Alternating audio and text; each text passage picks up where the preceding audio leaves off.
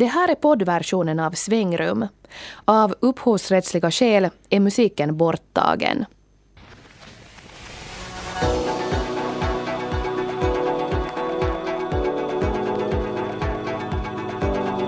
Dåren drömmer om rikedom, den kloke om lycka.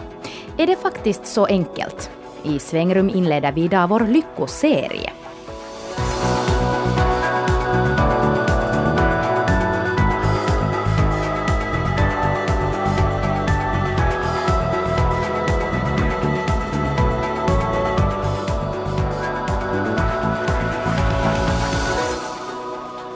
Det här är livsåskådningsprogrammet Svängrum tillsammans med Kira Schröder, Nanette Marie Forström och Linda Grönqvist. Och idag ska vi som sagt vrida och vända på begreppet lycka. Hur starkt är till exempel sambandet mellan rikedom och lycka? Och finns det kulturella skillnader i hur lyckliga folk känner sig? Vi får en glimt från Latinamerika. Men för att nå riktig lycka här räcker det inte bara att rädda sitt eget skinn eller att vara stadd vid god kassa. Hela ens umgänge och alla omständigheter runt omkring måste vara under kontroll. Att egoistiskt utgå från ens eget välbefinnande passar inte in i tankevärlden i anderna. Och den här veckan är moralväktaren tillbaka och gäst den här gången är kändiskocken Mikael Björklund.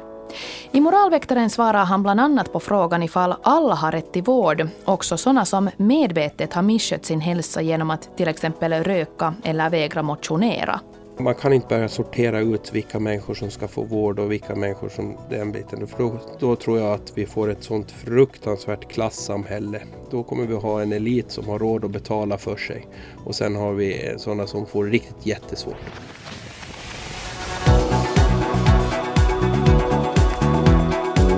Ja, mera om moralväktaren senare i sändningen, men nu ska vi börja ändå med att uppmärksamma den senaste homodebatten som igen den gångna veckan har fått tusentals människor att skriva ut sig ur kyrkan.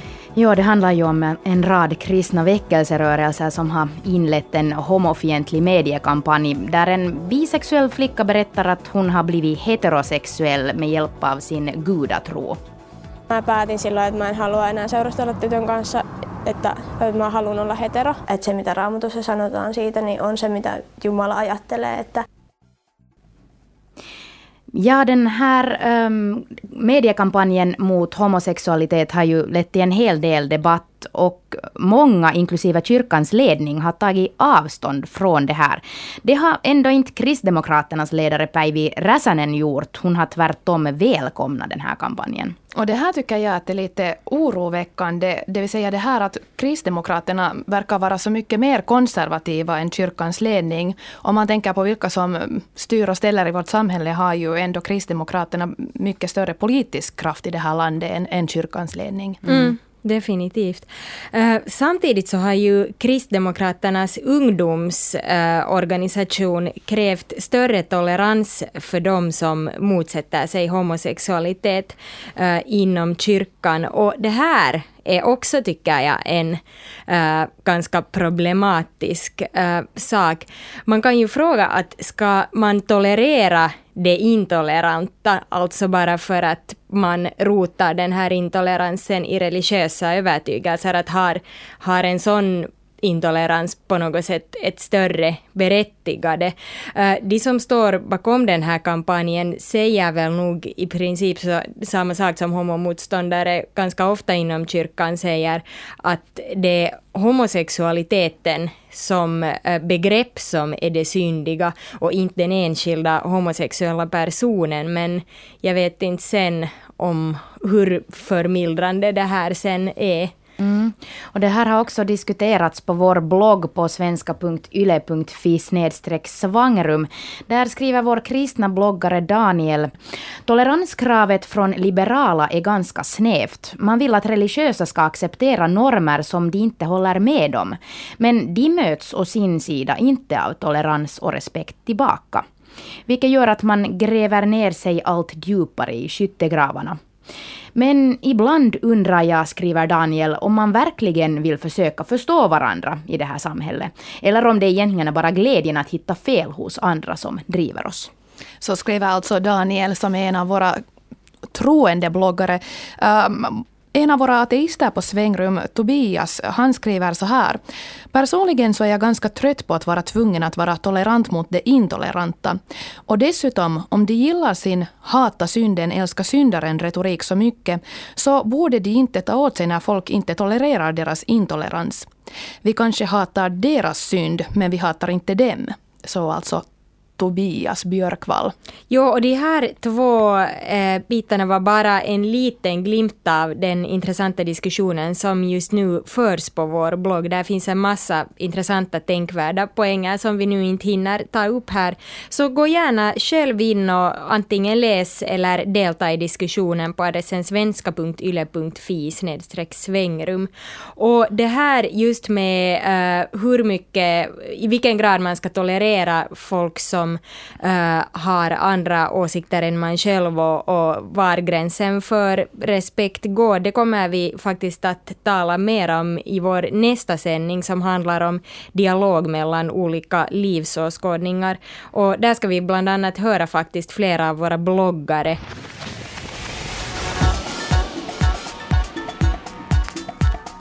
Men nu ska det handla om det som, den här, som är den här sändningens bärande tema, nämligen lycka.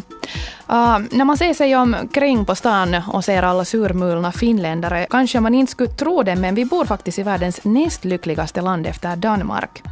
Men vad menar vi egentligen när vi säger att vi är lyckliga?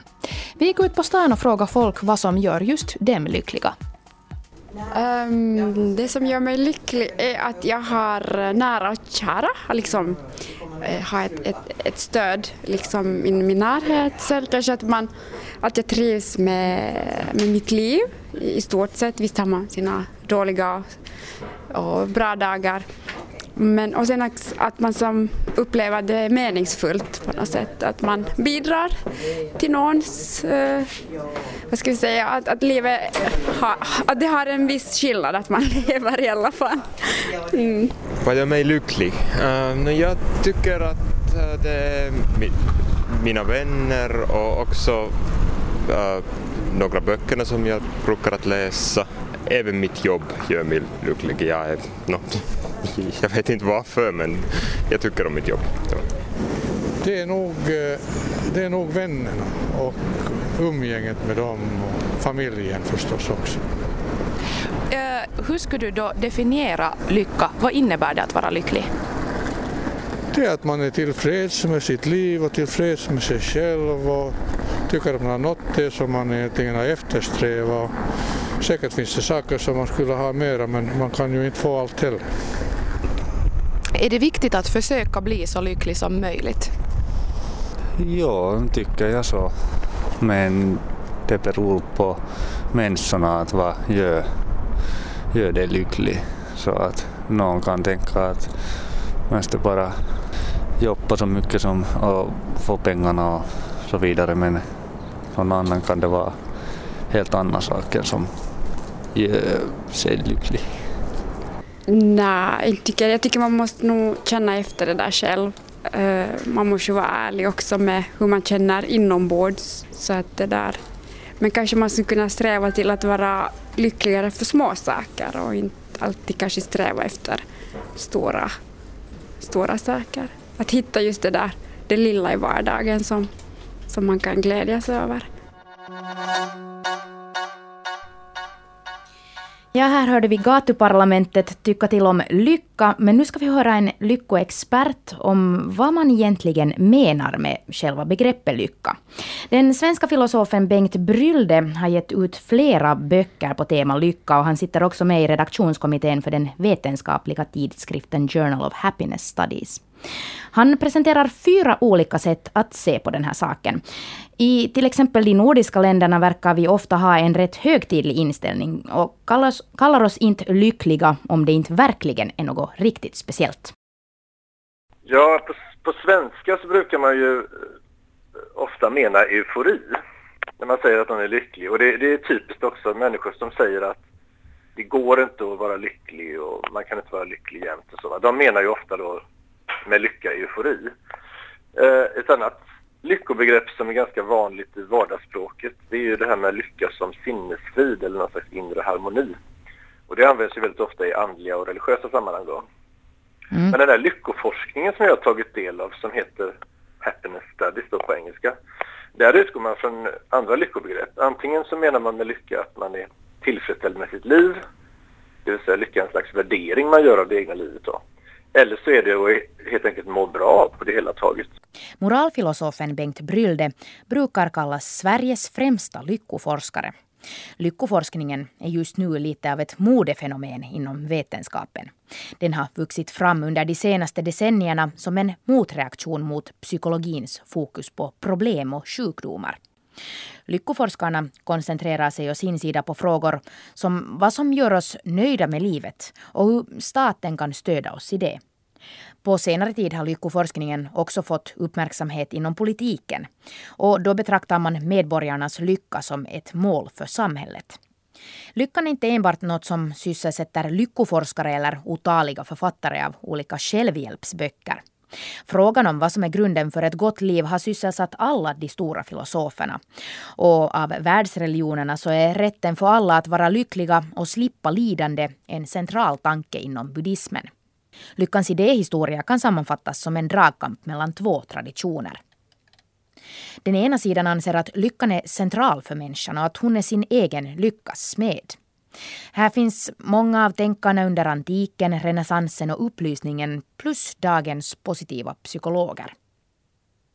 Det andra lägret anser å andra sidan att människan inte borde inrikta sig på sin egen lycka överhuvudtaget. De menar att det är ett fåfängt företag och att man måste stå ut med lidande, eller till och med välkomna lidande. Här nämns den tidiga kristendomen där man ansåg att lyckan kommer efter döden till de utvalda som Guds gåva. Av filosoferna har Aristoteles kallats för västerlandets allra tidigaste lyckoforskare.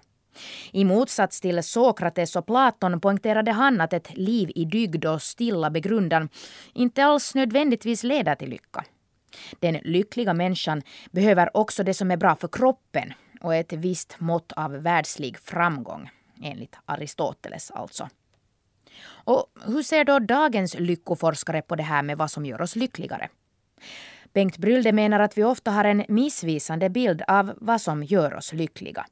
Vissa strävar efter att må bättre det är nog ganska vanligt. En del kanske till och med strävar efter att må jättebra. Alltså man vill inte bara bli lyckligare, man vill också bli lycklig. Alltså man vill nå väldigt högt kanske på den här skalan. Vissa vill bli kvitt allt lidande och obehag och så vidare och så vidare. Så jag tror att det är, lite, det är lite olika saker som man strävar efter. Och eh, ibland så strävar man faktiskt inte efter lycka alls, tror jag, utan efter att bli lyckad. Eller att bli mera lyckad. Eh, så det är, någon, det är en väldigt viktig skillnad då. Bli framgångsrik i yttre mening å ena sidan och att må bättre inombords å andra sidan. Det är väldigt olika saker. Ja, det sa Sveriges främsta lyckoforskare Bengt Brylle, som vi faktiskt kommer att återvända till här i en nära framtid i svängrum i en annan del av den här lyckoserien, där vi granskar hur vettigt det egentligen är det här att försöka maximera sin egen lycka på olika sätt. Ah, uh, Brylde talar ju här sist om att vår lyckosträvan inte alls alltid bygger på korrekt information om vad som faktiskt gör oss lyckligare. Och att vi kanske borde fokusera mera på sånt, eh, på annat än på yttre faktorer. Och det här tycker jag känns väldigt bekant. Jag menar, man känner ju igen det här att man tror att man blir lyckligare om man kanske får högre lön eller äh, strävar efter att få en högre post på jobbet eller äh, hitta den perfekta pojkvännen, vad som helst. Hur många har nu inte någon gång gått ut för att äh, shoppa någonting nytt för att bygga upp sig om man känner sig nere? Mm. Definitivt alltså pengar och rikedom verkar vara en ganska kraftig drivkraft för de flesta och, och ses ju ofta åtminstone som, som en del av vägen till lycka. Men nu ska vi fundera om det verkligen är så. Den som säger att pengar inte kan köpa lycka har helt enkelt handlat på fel ställe. Så lär skådespelerskan Bo Derek ha sagt och det verkar som om rätt många i dagens samhälle håller med henne. I samma banor tänkte ju faktiskt redan nationalekonomins fader Adam Smith som menade att människans lycka ökar i takt med hennes rikedom och köpkraft. Men Karin Nars, som är ekonomiedoktor och finansråd, håller inte med. Han blev så intresserad av relationen mellan pengar och lycka att han skrev en bok om ämnet. Jag tyckte att den ekonomiska vetenskapen så utgår från fel teorier eh, därför att man anser att eh, ju mera pengar eh, människor har dess lyckligare borde de vara, vara. Men det stämmer ju inte alls utan i våra samhällen som är rätt så väl situerade så har pengarnas tilläggseffekt på lycka eh, blivit ganska liten så att eh, mera pengar köper mindre lycka än någonsin tidigare. Och det enda undantaget egentligen till det här är nog riktigt fattiga och, och riktigt små inkomsttagare så man kan inte säga att pengar gör en lyckligare? No, absolut inte. Eh, och, och det som egentligen bevisar eh, det här delvis är att det finns olika undersökningar om lottomiljonärer i Finland och i England och i USA. Och alla de här undersökningarna så visar nog att eh, lottomiljonärerna i allmänhet så är inte så förfärligt mycket lyckligare än vi vanliga människor. Arvotaan seitsemän numeroa.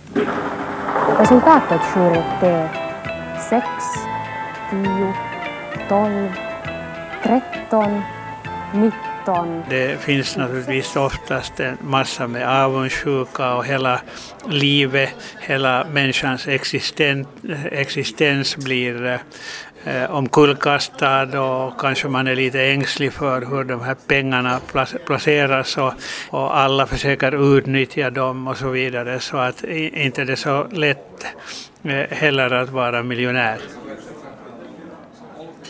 Jag träffar Karinars på Helsingfors flottaste hotell där det välklädda klientelet diskuterar affärer på olika språk ackompanjerade av klirrandet från förgyllda serviser. Nars har under en lång bankkarriär både hemma och i finanscentra som London, Paris och Washington mött rätt så många miljonärer. Många människor sätter likhetstecken mellan höga löner och duktighet. Men eh, eh, någon skulle påstå att till exempel en eh, chefen för ett stort bolag som råkar få en hundratusen eller en miljon till i bonus, att det skulle göra honom eller henne speciellt mycket lyckligare, så, så ska man vara ganska naiv. Det, det stämmer ju inte.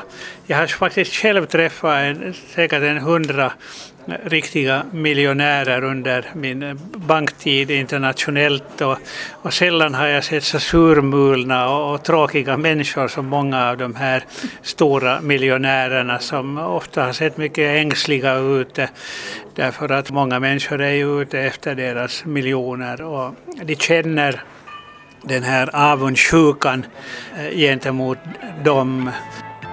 Och tilläggsnumren är 3 11 och 20. Karin Nars tycker att västerländska demokratier borde skriva in en strävan att öka medborgarnas lycka i sina regeringsprogram. Hans eget recept på lycka låter inte precis som det som man väntar sig av en insider i finansbranschen pengarnas lyckobringande effekt urvattnas mycket snabbt då man har uppnått en viss nivå. Utan det som egentligen eh, eh, ger en riktig lycka, och det vet kvinnorna i allmänhet bättre än männen, alltså är ju naturligtvis Eh, inte en massa med pengar på hög utan ett gott familjeliv och, och goda vänskapsförhållanden och, och, god hälsa och, och trevliga hobbyer, eh, intressen, vilka man nu sedan har eh, barn och kärlek och sånt. Alltså det här är saker egentligen som inte kostar så mycket och man behöver inte så väldigt mycket pengar för att det där kunna uppnå lycka. Internationella lyckoundersökningar har utförts i över 60 år. Trots att det är svårt att mäta ett så vagt begrepp som lycka så menar Karinars att mätningarna är rätt så tillförlitliga när det gäller mer långvarig så kallad livstillfredsställelse. Danmark brukar toppa de flesta undersökningarna tätt följd av andra nordiska länder och i två färska undersökningar framstår faktiskt Finland som världens andra lyckligaste land. Nars menar att det finns en del specialfaktorer som gör just finländare lyckliga. No, det gäller till exempel sådana saker som naturen. Att, att det där, äh, finländarna är ju väldigt, lever ofta väldigt nära naturen på sina sommarstugor och, och skidar och, och plockar svamp och bär och har sig. Och det har visat sig att Finland är nästan det enda land eh, i de här lyckoundersökningarna var naturens roll betonas så mycket som i Finland. Så det här är nog en specialitet. Man säger ju att skogen är finländarens kyrka. Men alla har inte möjlighet att sitta på sin sommarstuga och lyssna på fågelkvitter. I stora delar av världen är vardagen närmast en kamp för överlevnaden. Men ändå finns det en klichébild av att människor i u-länder, trots att de är fattiga, ofta är mer levnadsglada och lyckliga än vi. Vad tycker Karin Ars om det här?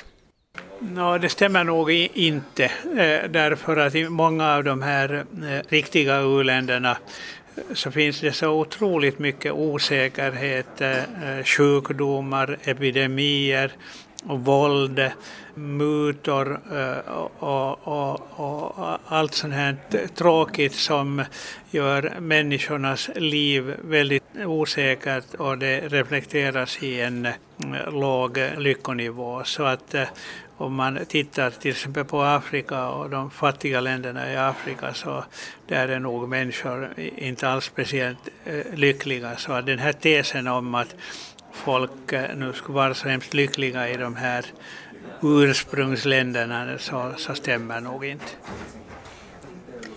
Skiljer sig lycka åt kulturellt och geografiskt? No, på det sättet att äh, det finns länder, till exempel i Sydamerika, äh, typ Colombia och, och Mexiko och Venezuela, där den genomsnittliga inkomstnivån eh, är betydligt lägre men där den här lyckograden bland medborgarna inte är så mycket lägre än i de rika länderna. Och det här enligt min åsikt beror kanske främst på att i de här länderna så har man bevarat ett eh, familjesamhälle, ett sådant eh, vänskapssamhälle, att man träffar sina vänner och, och släktingar och sådant eh, på ett helt annat sätt än i våra hektiska länder där man har en massa med med eh, allmänna bekanta från arbete och från olika föreningar men inga riktigt nära vänner och inga djupa vänskapsförhållanden så att våra samhällen är nog eh, kallare än, än sådana här samhällen var det finns, eh, finns mera då mänskliga, nära mänskliga förhållanden. Ja, relationer framom pengar ansåg då Karinars. Och det är kanske lite orsaken, eller det är ju inte direkt orsaken, men jag tänker så här att de som ofta säger att, att pengar inte spelar någon roll för lycka är kanske de som faktiskt har väldigt mycket pengar. För de har då kanske märkt att, att det inte automatiskt gör dem lyckliga. Lite sådär som när de allra vackraste människorna säger att det är inte den yttre skönheten utan den inre skönheten som är viktig. Ja, sen så tror jag också att den som har väldigt, väldigt mycket pengar, så den, den känner inte heller på samma sätt av det där pengarnas värde. För att um, man uppskattar inte heller på samma sätt det vad man kan få för de där pengarna då i, i förlängningen. Om man tänker till exempel att man ska få åka på en jättedyr och fin resa och sen är man antingen en sån som har måste jobba jättehårt för att få, få åka på den här resan, eller sen är man en sån som har massor av pengar och kan åka på hur många resor som helst. Så jag tror att den som, som har, måste liksom vända på varje slant i ett halvår för att få åka på den här resan också uppskattar den på ett helt annat sätt. Mm. Det här är lite kopplat till det som teoretikerna brukar kalla för den hedonistiska vaneteorin eller habitueringseffekten.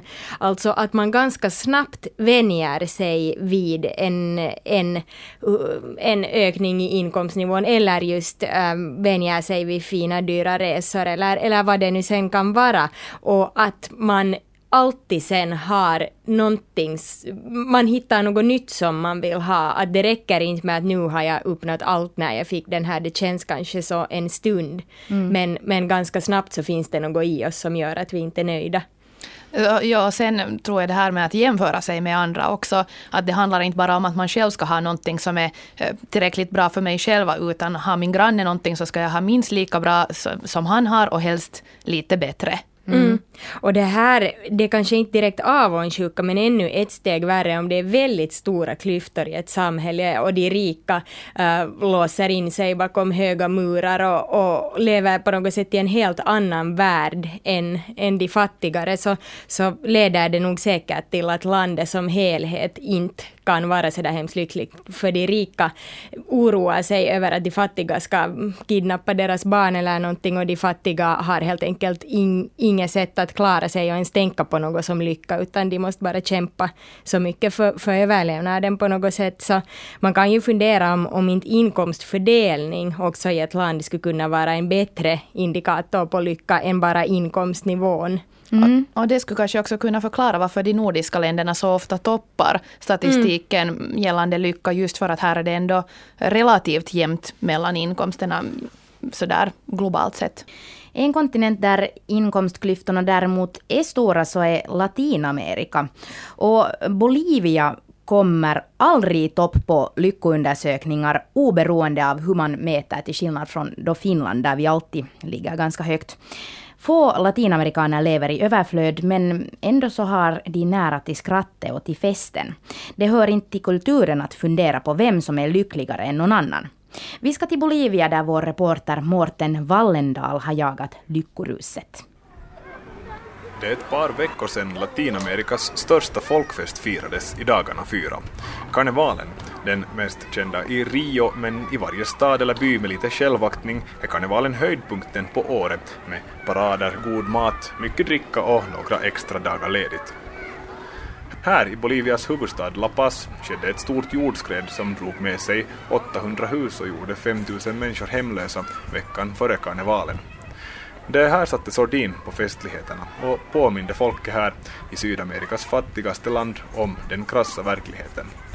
Men visst verkade folk lyckliga när de sprang runt med ballonger och dansade bort fyra dagar. Gilbert, som är ekonom och också har studerat ursprungsbefolkningen i Anderna, säger att den lokala lyckan är situationsbunden. Det är inte ett tillstånd som vi i väst vill kategorisera den. Like if you're a Bolivian, our happiness, they will tell you about moments of happiness, you know, like in a carnival or celebration.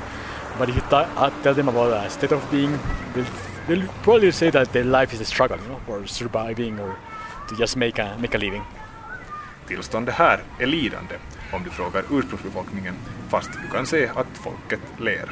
Mm. You could say that people are can say they're happy, even though they, w- they wouldn't tell you that, but you can see them smile. You know, it's more it's more like an evident thing than a thing, something that you can ask them and they will say yes.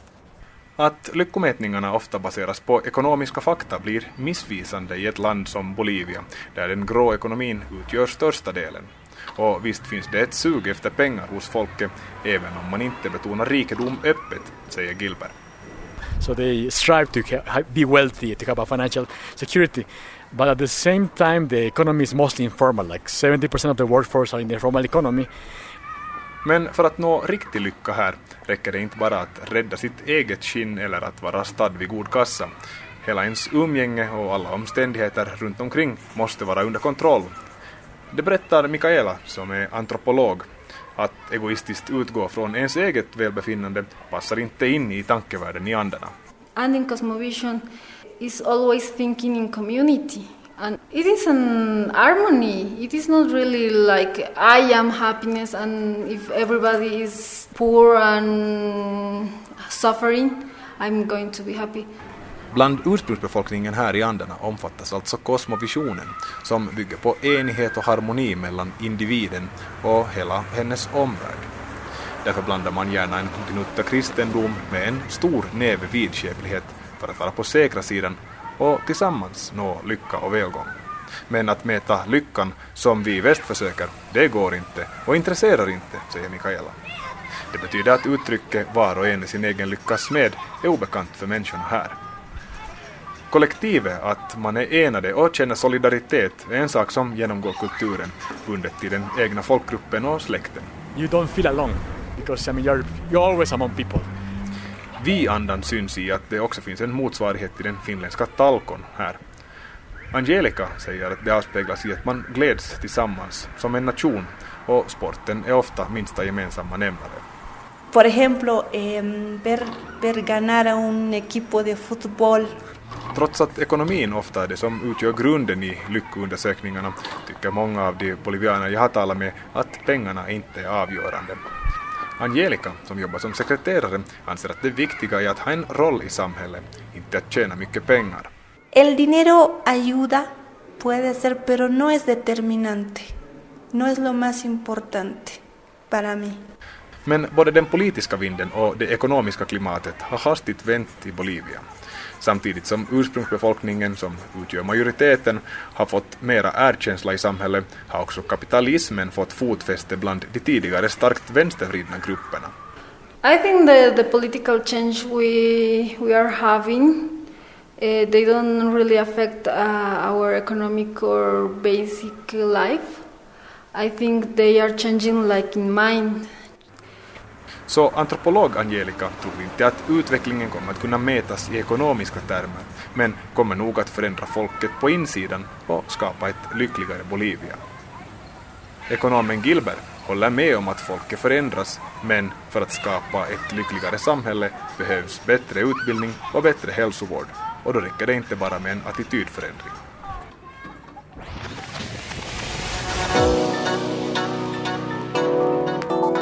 Ja, här tidigare i inslaget så talar ju eh, den här ekonomen om det här med att det inte stämmer i Bolivia att alla nödvändigtvis är sin egen lyckas med. Och det sa faktiskt eh, ekonomidoktor Karinars också. Eh, han menar att en överraskande stor del av hur lyckliga enskilda individer är beror på dels genetiska faktorer och sen ett hurdant hem de har vuxit upp i och, och ett hurdant socialt kapital de har. Och sen kan man då självklart påverka också sin egen lyckograd men att det är till en mindre grad än vad man själv tror om inte man har ett visst socialt kapital på något sätt. Mm, och här kom också fram det här med att hum, samhörigheten är, är, stor i då Bolivia som vi var i just då.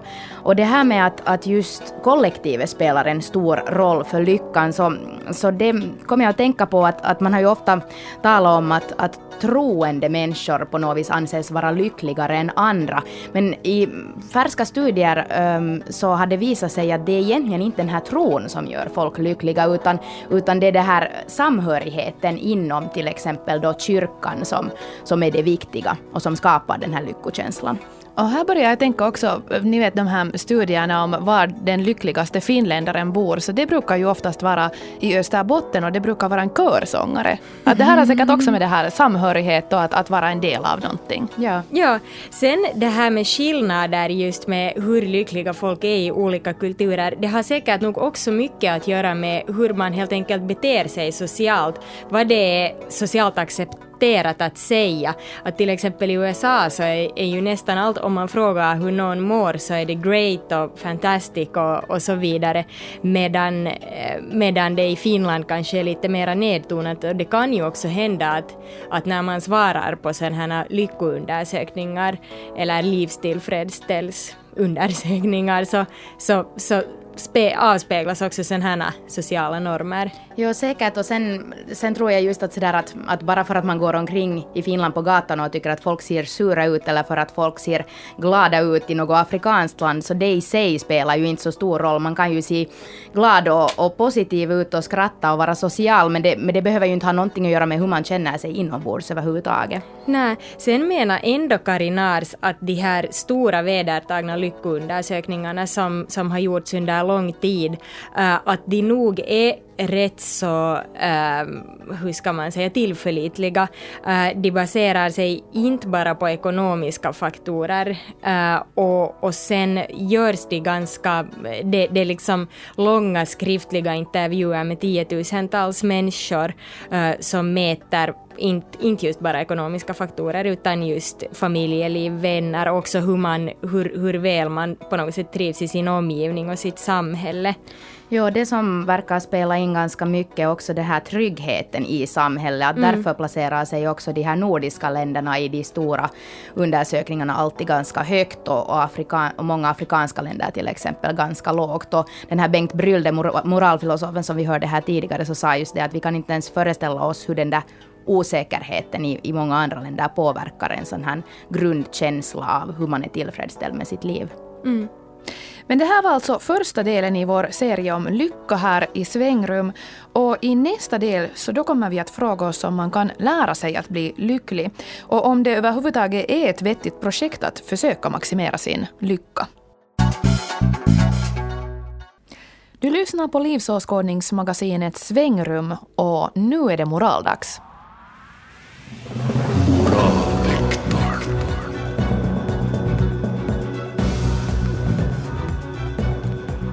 Ja, i Moralväktaren så ställer vi ju olika samhälleligt intressanta personer äh, frågor som har att göra med moral och etik och så får de svara helt enligt eget samvete. Det finns inga svar som är rätt och fel.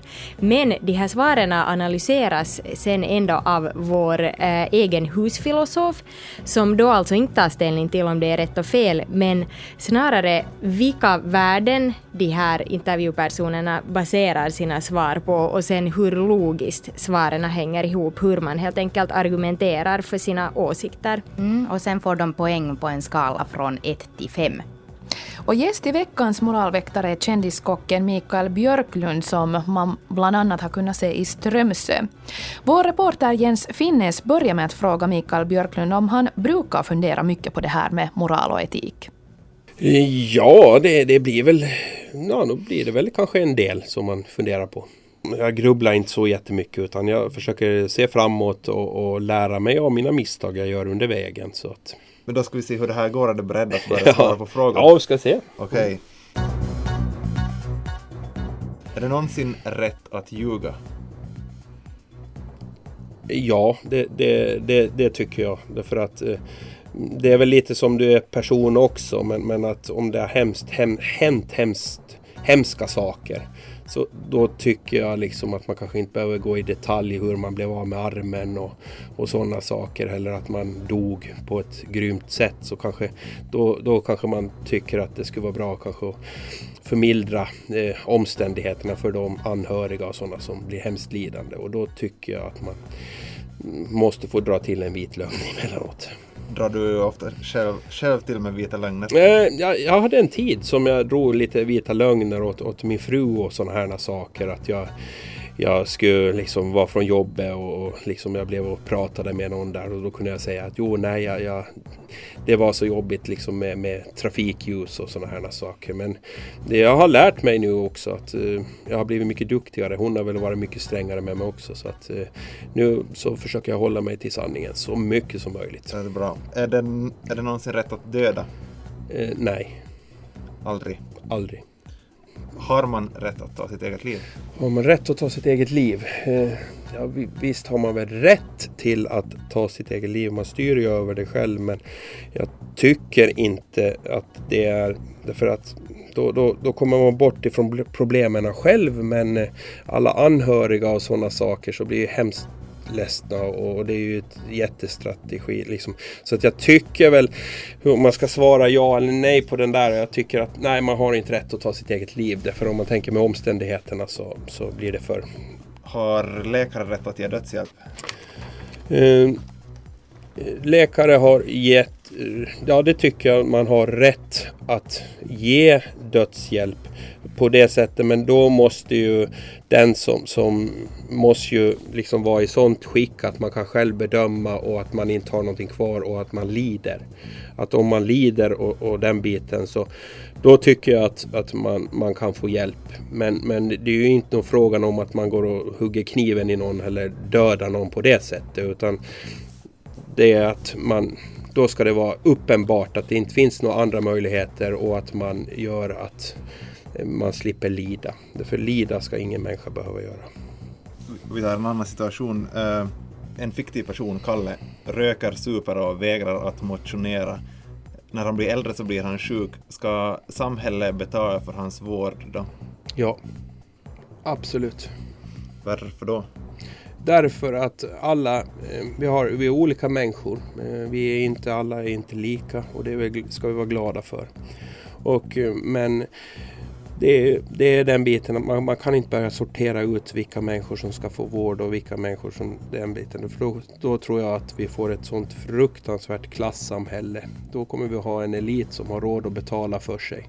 Och sen har vi eh, sådana som får riktigt jättesvårt och inte kan ha någonstans att bo och sådana saker. Så att, självklart så de som får vara friska och jobbar och, och sliter så ska mm, få betala för dem som, som, som har det svårare i samhället.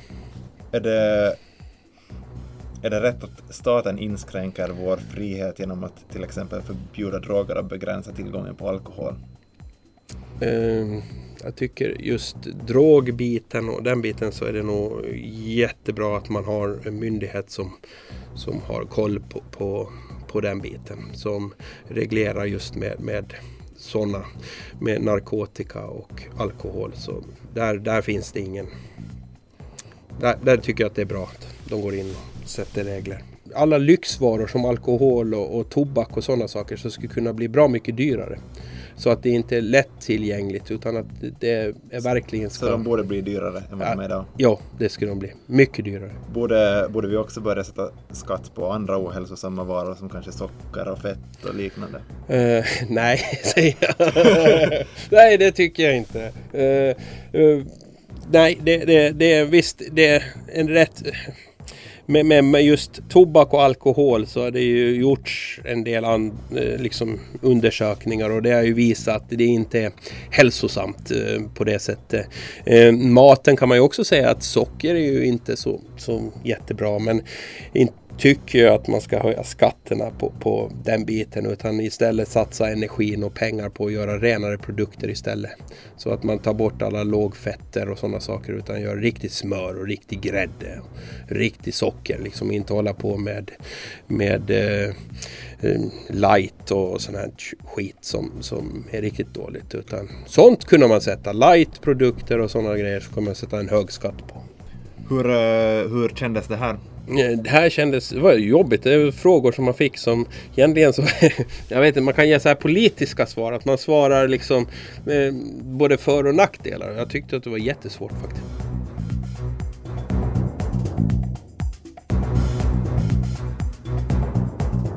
Vi kommer alltså att ha en eh, husfilosof som kommer att analysera dina svar. Hur tror du att du har klarat dig?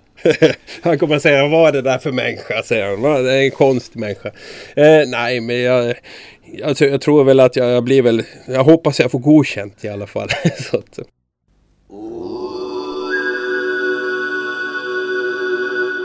Ja, nu har vi med oss vår husfilosof Sebastian Bergholm. Välkommen med. Tack bara.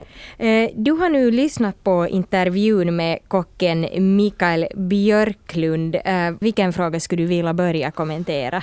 No, vi skulle kanske kunna hoppa direkt till, till den här frågan om att döda eftersom det här lögnexemplet kanske inte var så jätteintressant. Om det kan jag kanske bara säga som så att han, han kanske inte alltid gav exempel på just lögner när han eh, resonerar kring vita lögner och så här. Jag menar, att inte beskriva allt i detalj är ju inte att ljuga.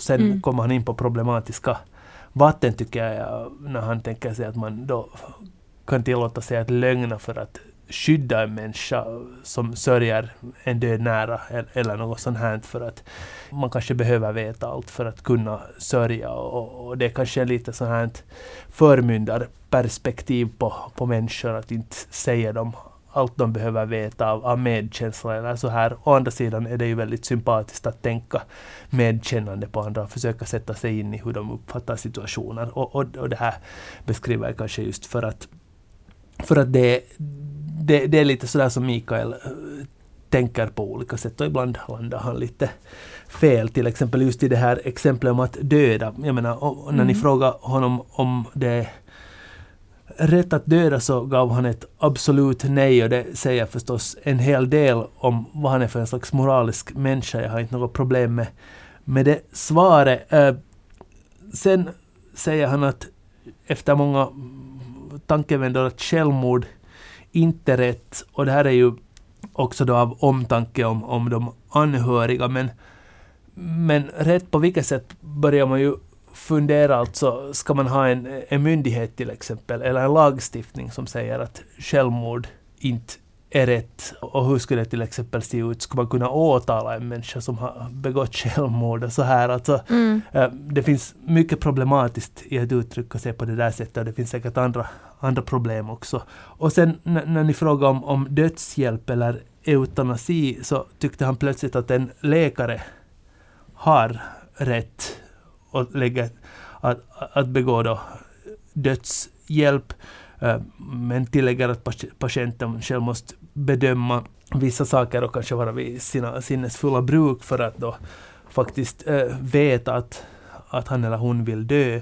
Men jag menar, jag förstår inte, eller han ger inte ett argument för varför läkaren på något vis sätts över alla andra. Jag menar, mm. Man får inte ta livet av sig själv, man får inte ta livet av andra, men läkare får plötsligt äh, fullmakten att ta livet mm. av en patient som lider. Så, så det här är ju jätteproblematiskt. Mm. Men en återvändsgränd argumenterar han nog in sig här, den goda Mikael.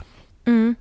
Kanske vi går direkt över då till den fråga som handlar om samhället ska betala för vården för en person som själv har vanskött sig med till exempel med att röka och supa och vägra motionera.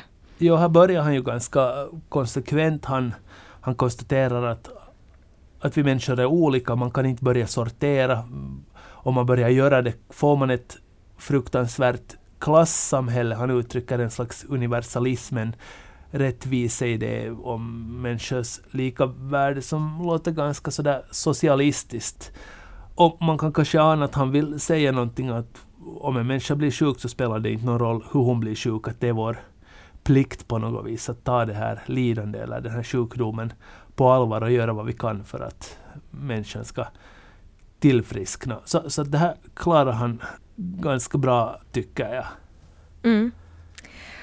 Om vi då sen går in på frågorna om individens självbestämmande i relation till skadliga ämnen som droger och alkohol, vad tycker du om kocken Mikael Björklunds resonemang där? Ja, den här frågan är ju besläktad med den här förra frågan och här tycker jag att han sen ett ut tre är ute och halkar lite igen. Uh, han det där uh, gör en skillnad mellan socker och fett och alkohol och droger. Eh, det är kanske helt okej, okay, men han verkar tänka kring de här sakerna på samma sätt alltså att eh, myndigheter ska få igen komma in på människans självbestämmande område av omtanke, alltså om människan gör någonting som är väldigt ohälsosamt just i fallet alkohol och droger och han hänvisar också till någon undersökning. Sen när han skrattar till på den här frågan om, om mat och fetter så, så, så avslöjar ju att han förstår att det är problematiskt mm. med de här sakerna också. Men sen verkar han nu liksom helt av sådär personliga preferenser säga, säga, det var ju också ganska kul att de här ska man inte beskatta hårdare. Men, men förstås hamnar han i ett sådant läge att om han tänker sig att staten i något fall ska få komma in och, och beskatta saker eller, eller på något vis av omsorg för mäns, människans hälsa fatta vissa beslut så, så kan man inte säga att, att vissa skadliga saker är okej okay och andra inte.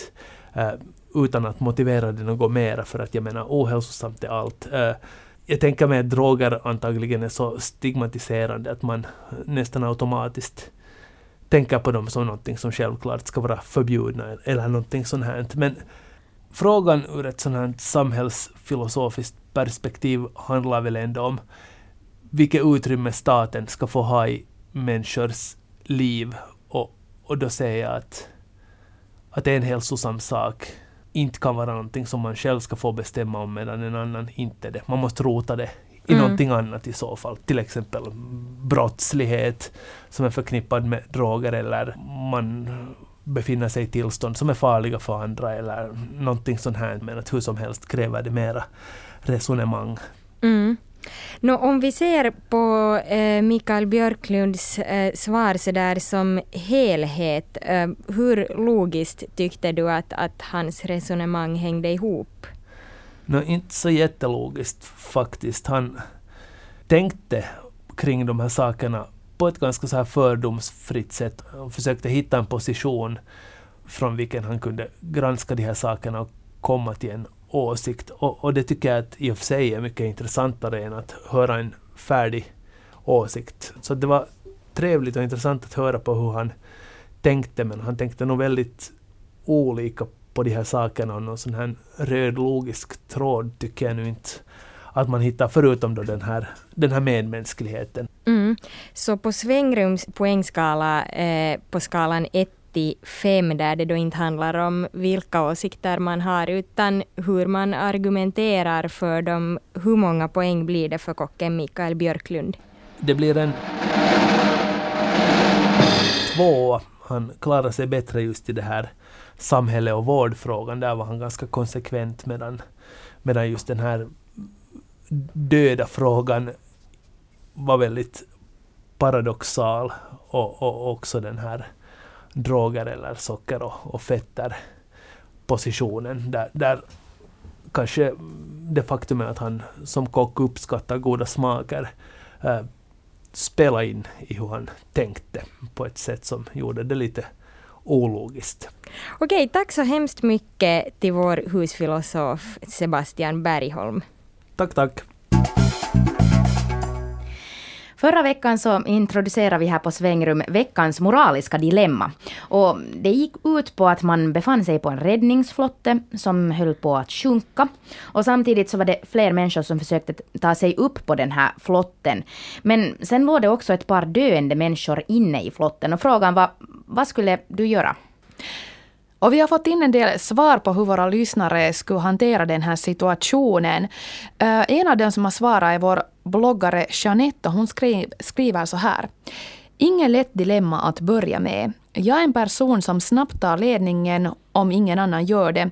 Så det kan hända att jag skulle knuffa de nästan döda över bord för att rädda de som är vid bättre vigör. Låter grymt men i en så extrem situation slår överlevnadsinstinkten in. Jo, och det här har en annan lyssnare, Juhani, tagit fasta på.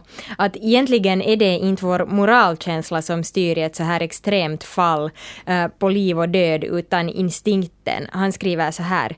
När det kommer till kritan på riktigt så slängs antagligen principerna till sjöss som döende och överloppsfolk från en sjunkande räddningsflotte. Mm. Och i nästa moraliska dilemma så kan vi ju tänka på det här att ta någonting som är lite mindre extremt, där moralkänslan verkligen spelar in. Och vi tackar er alla som har deltagit på webben och per e-mail. Och vi återkommer med fler moraliska dilemman i framtiden.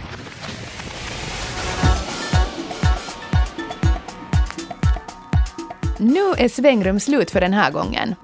Och nästa vecka ska det handla om dialog mellan olika livsåskådningar. Bland annat så ska vi träffa biskopen Juha Pikala och astronomen Esko Valtaoja som eh, har skrivit en väldigt hög med brev till varandra där de diskuterar olika moraliska och livsfilosofiska och etiska frågor och det här har sen blivit två böcker. Vi ska bland annat höra med dem vad de, om de tycker att en sån här dialog mellan väldigt olika livsåskådningar har någonting att ge. Mm. Och vi på Svängrum finns också på Facebook och på Twitter. Så gå med i vår grupp där så hänger du med i allt det senaste. Och så kan du också skicka oss e-post på adressen svangrum.yle.fi. Men nu är det dags att säga hej hej!